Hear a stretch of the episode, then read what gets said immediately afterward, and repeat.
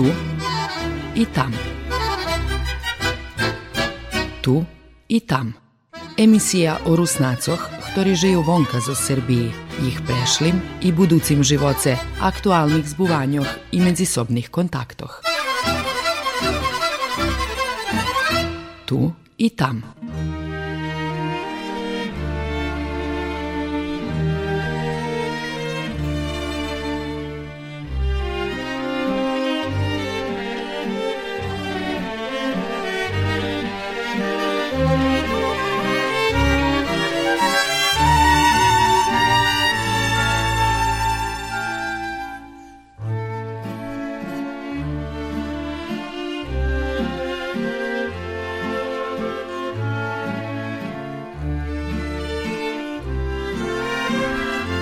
Dobri deň, počitovaní sluhače. U nješkajše emisiju čujete rozvarku zo s Ivanom Kanjuhom, mladim človekom zo z Novого Sadu, aktivnim u ruskej zajednici u Vojvodini.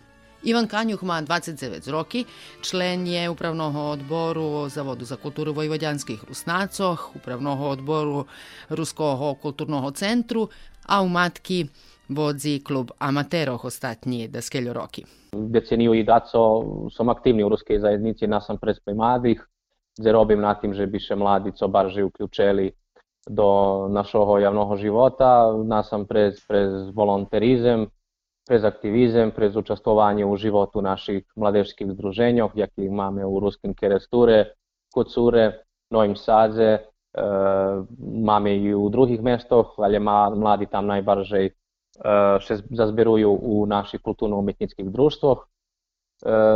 Tiž tak robil som jeden čas, odnosno bol som aktívny u radio televiziji Vojvodini, odnosno na radiju, gdje som mal nezavisnu produkciju, odnosno emisiju Nezavisna produkcija. Toto chvíľkovo privodzím ku koncu mojho studii s ohľadom, že som už rokami absolvent histórii E, E, nie ljubim się chwalić z ostim, ale prawie przez pomnuty aktywizm som tako dakle, zadlužil svojo studiji i chwilkowo som e, najaktivniejszy u Ruskim Kulturnym centru u Noim Sadze, gdzie się nachodzim na miejsce głównego i odwiczatelnego za klub amaterów e, Ruskiego Kulturnego Centrum, który funkcjonuje urami RKC u našoj nowosadzkiej matki. Tu som ostatnji dva roki, možem še pohvaliti, hej, že som na isce z drugima mladima, mladýma zo Nového Sadu organizoval prek 30 slučovanja od muzično-knjižovnih večarov, neformalnih druženjoh, stretnucoh. Zaprovadzujeme u tematki našej i zbuvanja na ruskim jeziku, ali i na srpskim jeziku i prosto sme otvoreni za všetkých dobronamirných ľudzoch, bez ohľadu na ich vírsku, nacionalnu alebo hoči ako druhú pripadnosť. I milo mi na ise, vekša účast mladých u roboti Novosadskej matky na ise e, priniesla do takých krásnych rezultátov.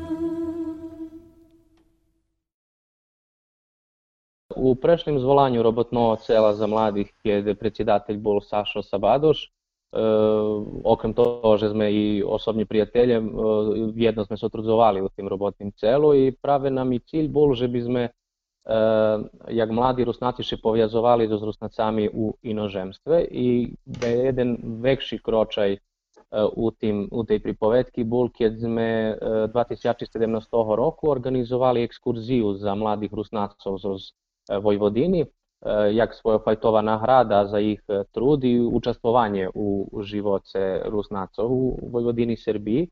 Znači to naši uspішні mladi, ktorí zaznačili dajaкі uspіхи на zmahanjoch z materinského jazyka alebo na dajakých druhých úrovňoch.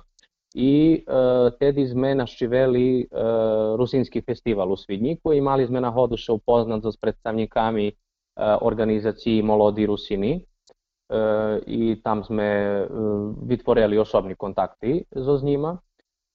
I hej, normalno, že u najchodzacích časov prišla i premenka hej, u Nacionalnom sovitu, prišlo nové zvolanie robotného cela, novi členi, da jedni pošli, da jedni ostali, ta sme dakus nie na teljo pošvećeli povahu na, na toto međunarodne sotrudnictvo, všelijak, že máme osobni kontakti s Rusnacami u Slovackej, a sprám informácií, ktorý mám, upoznatý som so s tým, že napríklad Fórum mladých ruskej matky, jak nevladová organizácia alebo Združenia hraždanov, vám neznam, jak sa točno definujú, toto majú svoje kontakty so Svetovým fórumom Rusnacov Rusinoh Lemkoch, I oni, e, keljo znam, maju tištak jedan jagod forum mladih, e, hej, švetovi forum mladih rusnacov, gdje se oni stretajo i znam, že maju određeni odbori po određenih pitanjoh i e, međutim, po teraz išće še nje udalo vitvori za jaki konkretni vekši sotrudnictva u smislu že bi sme robeli i realizovali da jaki projekty s ohľadom, že to u pitanju međunarodni projekti, a to še podrazumijuje, že to i projekti evropski projekti, znači koji se odnoša na Evropsku uniju, tu na iste treba bar zvesljo usilovnosti, treba prenajsť na iste bar zmotivovaných mladých ľudzov, i ktorí už majú veľké iskustvo u pisanju projektov. I slobodno môžem povedať, že to veľké vyvolania, i jeszcze wszezmy ich, jak, jak da powiem, nie prewozišli, ale to, to co znam isto, že še robi na tim, napríklad, že by sme to medzinárodný volonterský kamp, ktorý máme u Ruským Keresture, napríklad mohli rozvíjať zo napriame e, e, ruského medzinárodného kampu, kde by tot kamp mohli naštíviť práve Rusnáci zo zžemoch e, Európy, kde žijú. E, žije naša zajednica, to nás som Slovácka, Poľska, Ukrajina, ta i Rumunija i Mađarska.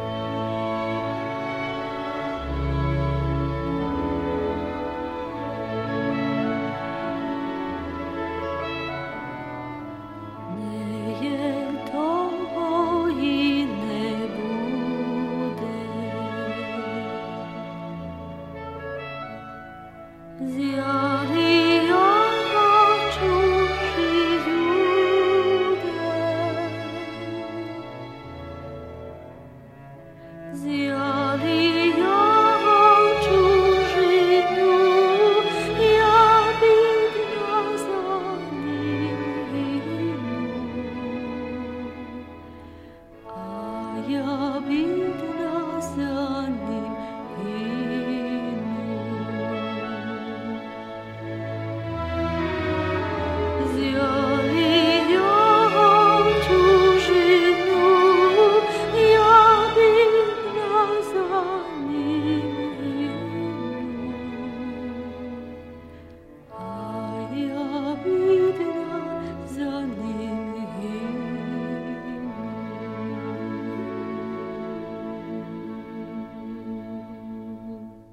predaskiljoma rokami Ivan putoval na bicikli do Австрії і Словацької. To bolo 2017 roku i to drog mi bol taký pošvecený bicyklizmu, takže som u tým roku naščivel e, Maďarsku, Slovácku, Austriju i obišao som da jedni mesta u e, Srbiji. S prijateljami zo Českej e, som še dogovarjal, že by sme še stretli dakle na pol drahi i baš polovka drahi bola u Budimpešti. I to bi bila e, nahoda, že by som videl, že či eto, môžem dojsť do, do Beču, dom keď môžem po Budimpeštu, väčšinou by som nemohol po Beč.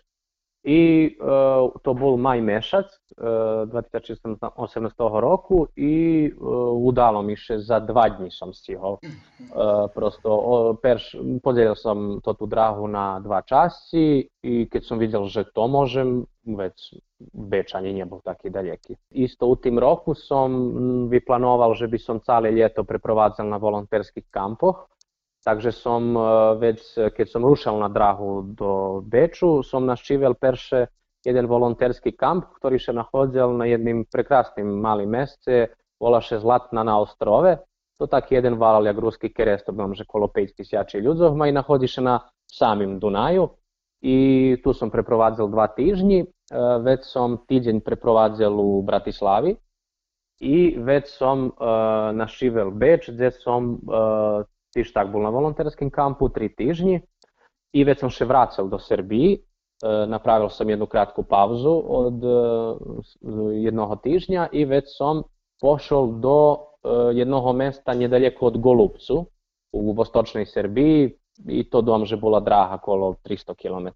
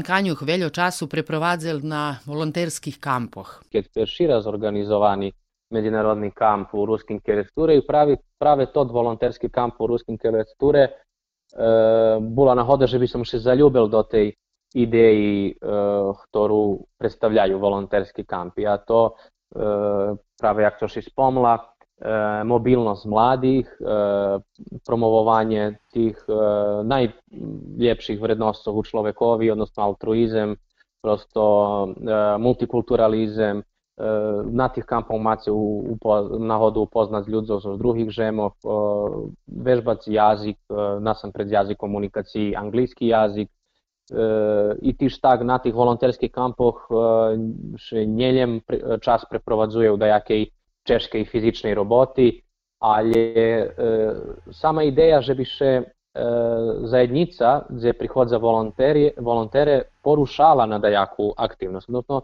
żeby volontere okončeli ljem čas jednej roboti i tak bula inspiracija za drugih, drugich, bi się i e, drugi żytelje na lokalu uključeli u rišovanju dakle, problemu który oni widzą u swojej zajednici. Prave na tih volonterskih kampov uključeni i lokalni volontere, bo doam privest e, grupu mišanú grupu mladých ľudí do jednoho mesta i trimať ich izolovanú nema ako veľkého smisla, keď oni nevytvoria kontakt so lokálnou zajednicu. I mne to naiste bolo prekrásne vidieť mladých ľudí zo Turskej, Francúzskej, Nemeckej, Veľkej Británii, alebo už odkiaľ prišli.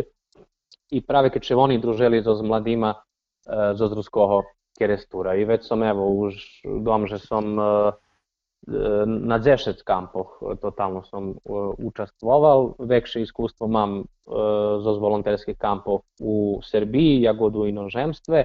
I toto su krasota volonterskih kampov, že vekšina nemaju ohraničene to što tika rokoh, takže bez ohľadu, že to o roku poljim 30 roki, jak baču i nadalje budem volonter, bo jak to še hvari raz volonter, vše volonter. Sluhali ste rozvarku zo s Ivanom Kanjuhom zo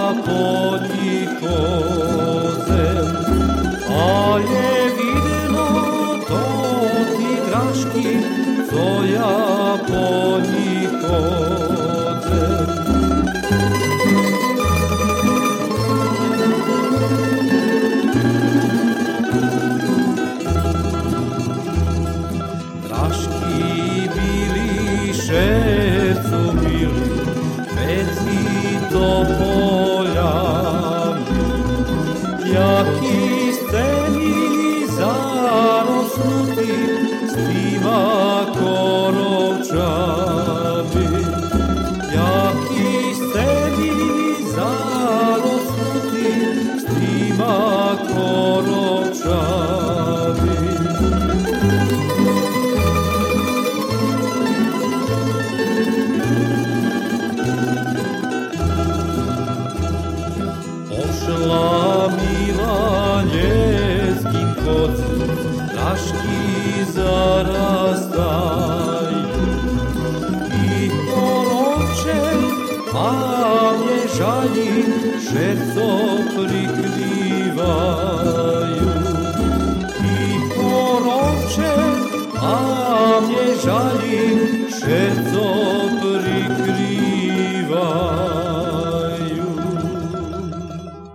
Posluchajte prilog, ktorý dostávame u so s internet radiom Rusin FM.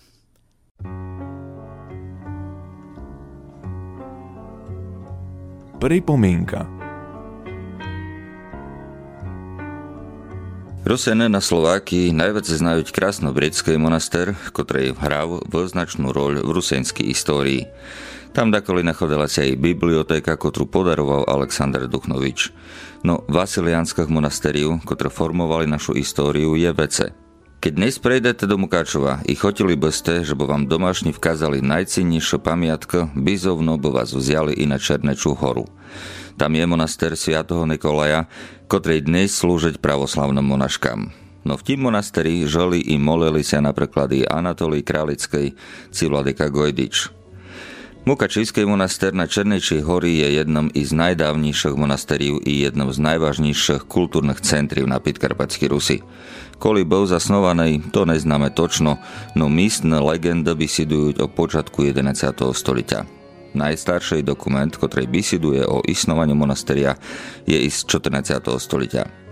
Na koncu 14. i začiatkom 15. stoliťa kňaz Fedor Koriatovič i jeho žena pitremovali monaster i isnuje dokument, v ktorým Koriatovič monasteriu podaroval zemli. Od najstarších časov až do 1776 roku bol monaster rezidenciou episkopiu Mukačískej parchii, napred pravoslavnoj, pak grekokatolickoj, keďže jeho archimandrita boli jednočasno i episkopami. Do poloviny 17. stoliťa monaster utremoval kontakt s pravoslavnými centrami na Balkáni i u východní Európy. Čenci, monach, perepesovali knižky, zbudovali veľkú biblioteku. Bola tam i škola a sa historičná kronika. Jak i celá Pitkarpatská Rus, tak i monaster zažil plán rok v časi rozpadu Uhorského kráľovstva v polovení 16. stoliťa i počas sledujúcich vojen. Monaster dokonca i vohoril u 1862 roci, ale za 3 roky bol obnovlený. V polovení 17. stoliťa monaster prejav úniu. Jak raz to dostal centrom činu sviatoho Vasilia Veľkého, otci Vasilián. Mukačijský monaster prežil i vládu imperatora Josefa II., koli bolo mnoho monasteriů zakrytých pod sily Austrijskej impérii. Vasilia nám podarilo sa presvedčiť vládu, že oni majú kultúrno-prosvitnú roľ v regióne. Potvrdením toho bolo i fungovania Mukačijskej bohoslovskej školy v prostorách monasteria, ktorá tam bola v rokách 1757 až 1776, ale i to, že mnoho igumeniu boli i voznačnými kultúrnymi diateľami u 19. stoliťu. Medzi nich naležali i Joanneky Bazilovič či Anatolij Kralickej. U 20. stoliťu bol monaster reformovaný v zhodi s reformami, ktoré zaprovádali vasiliánska monacha z Haličina, holovno Ukrajinofil. Po druhý svetový vojni Sovietský sojuz zakázal grekokatolickú cerkov i monaster bol u 1946 roci danej do chosnovania pravoslavnom monaškám, ktoré sú tam dodnes. Keď pídete do Mukačova, na tím, či ste pravoslavný alebo grekokatolik, idte sa posmotriť do monasteria Sviatoho Nikolaja na Černeči hory. I dnes to tam dechať rusenskou históriou, našimi osobnosťami, kultúrou, i v techu monasteria v Dumkách odohrávať sa vám naša dávna história i slava. Šumnej týždeň vám žečiť Petro Medviť.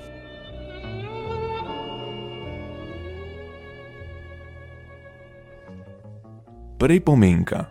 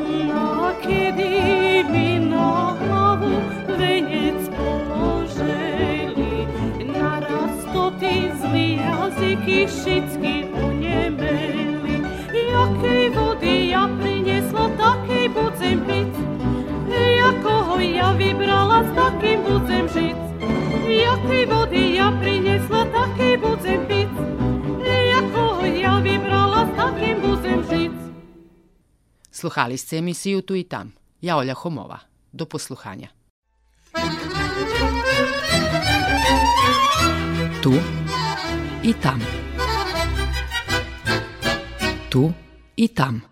Emisija o Rusnacoh, ktorí žijú vonka zo Srbiji, ich prešlim i buducim živoce, aktualnih zbuvanjoh i međusobnih kontaktoh. Tu i tam.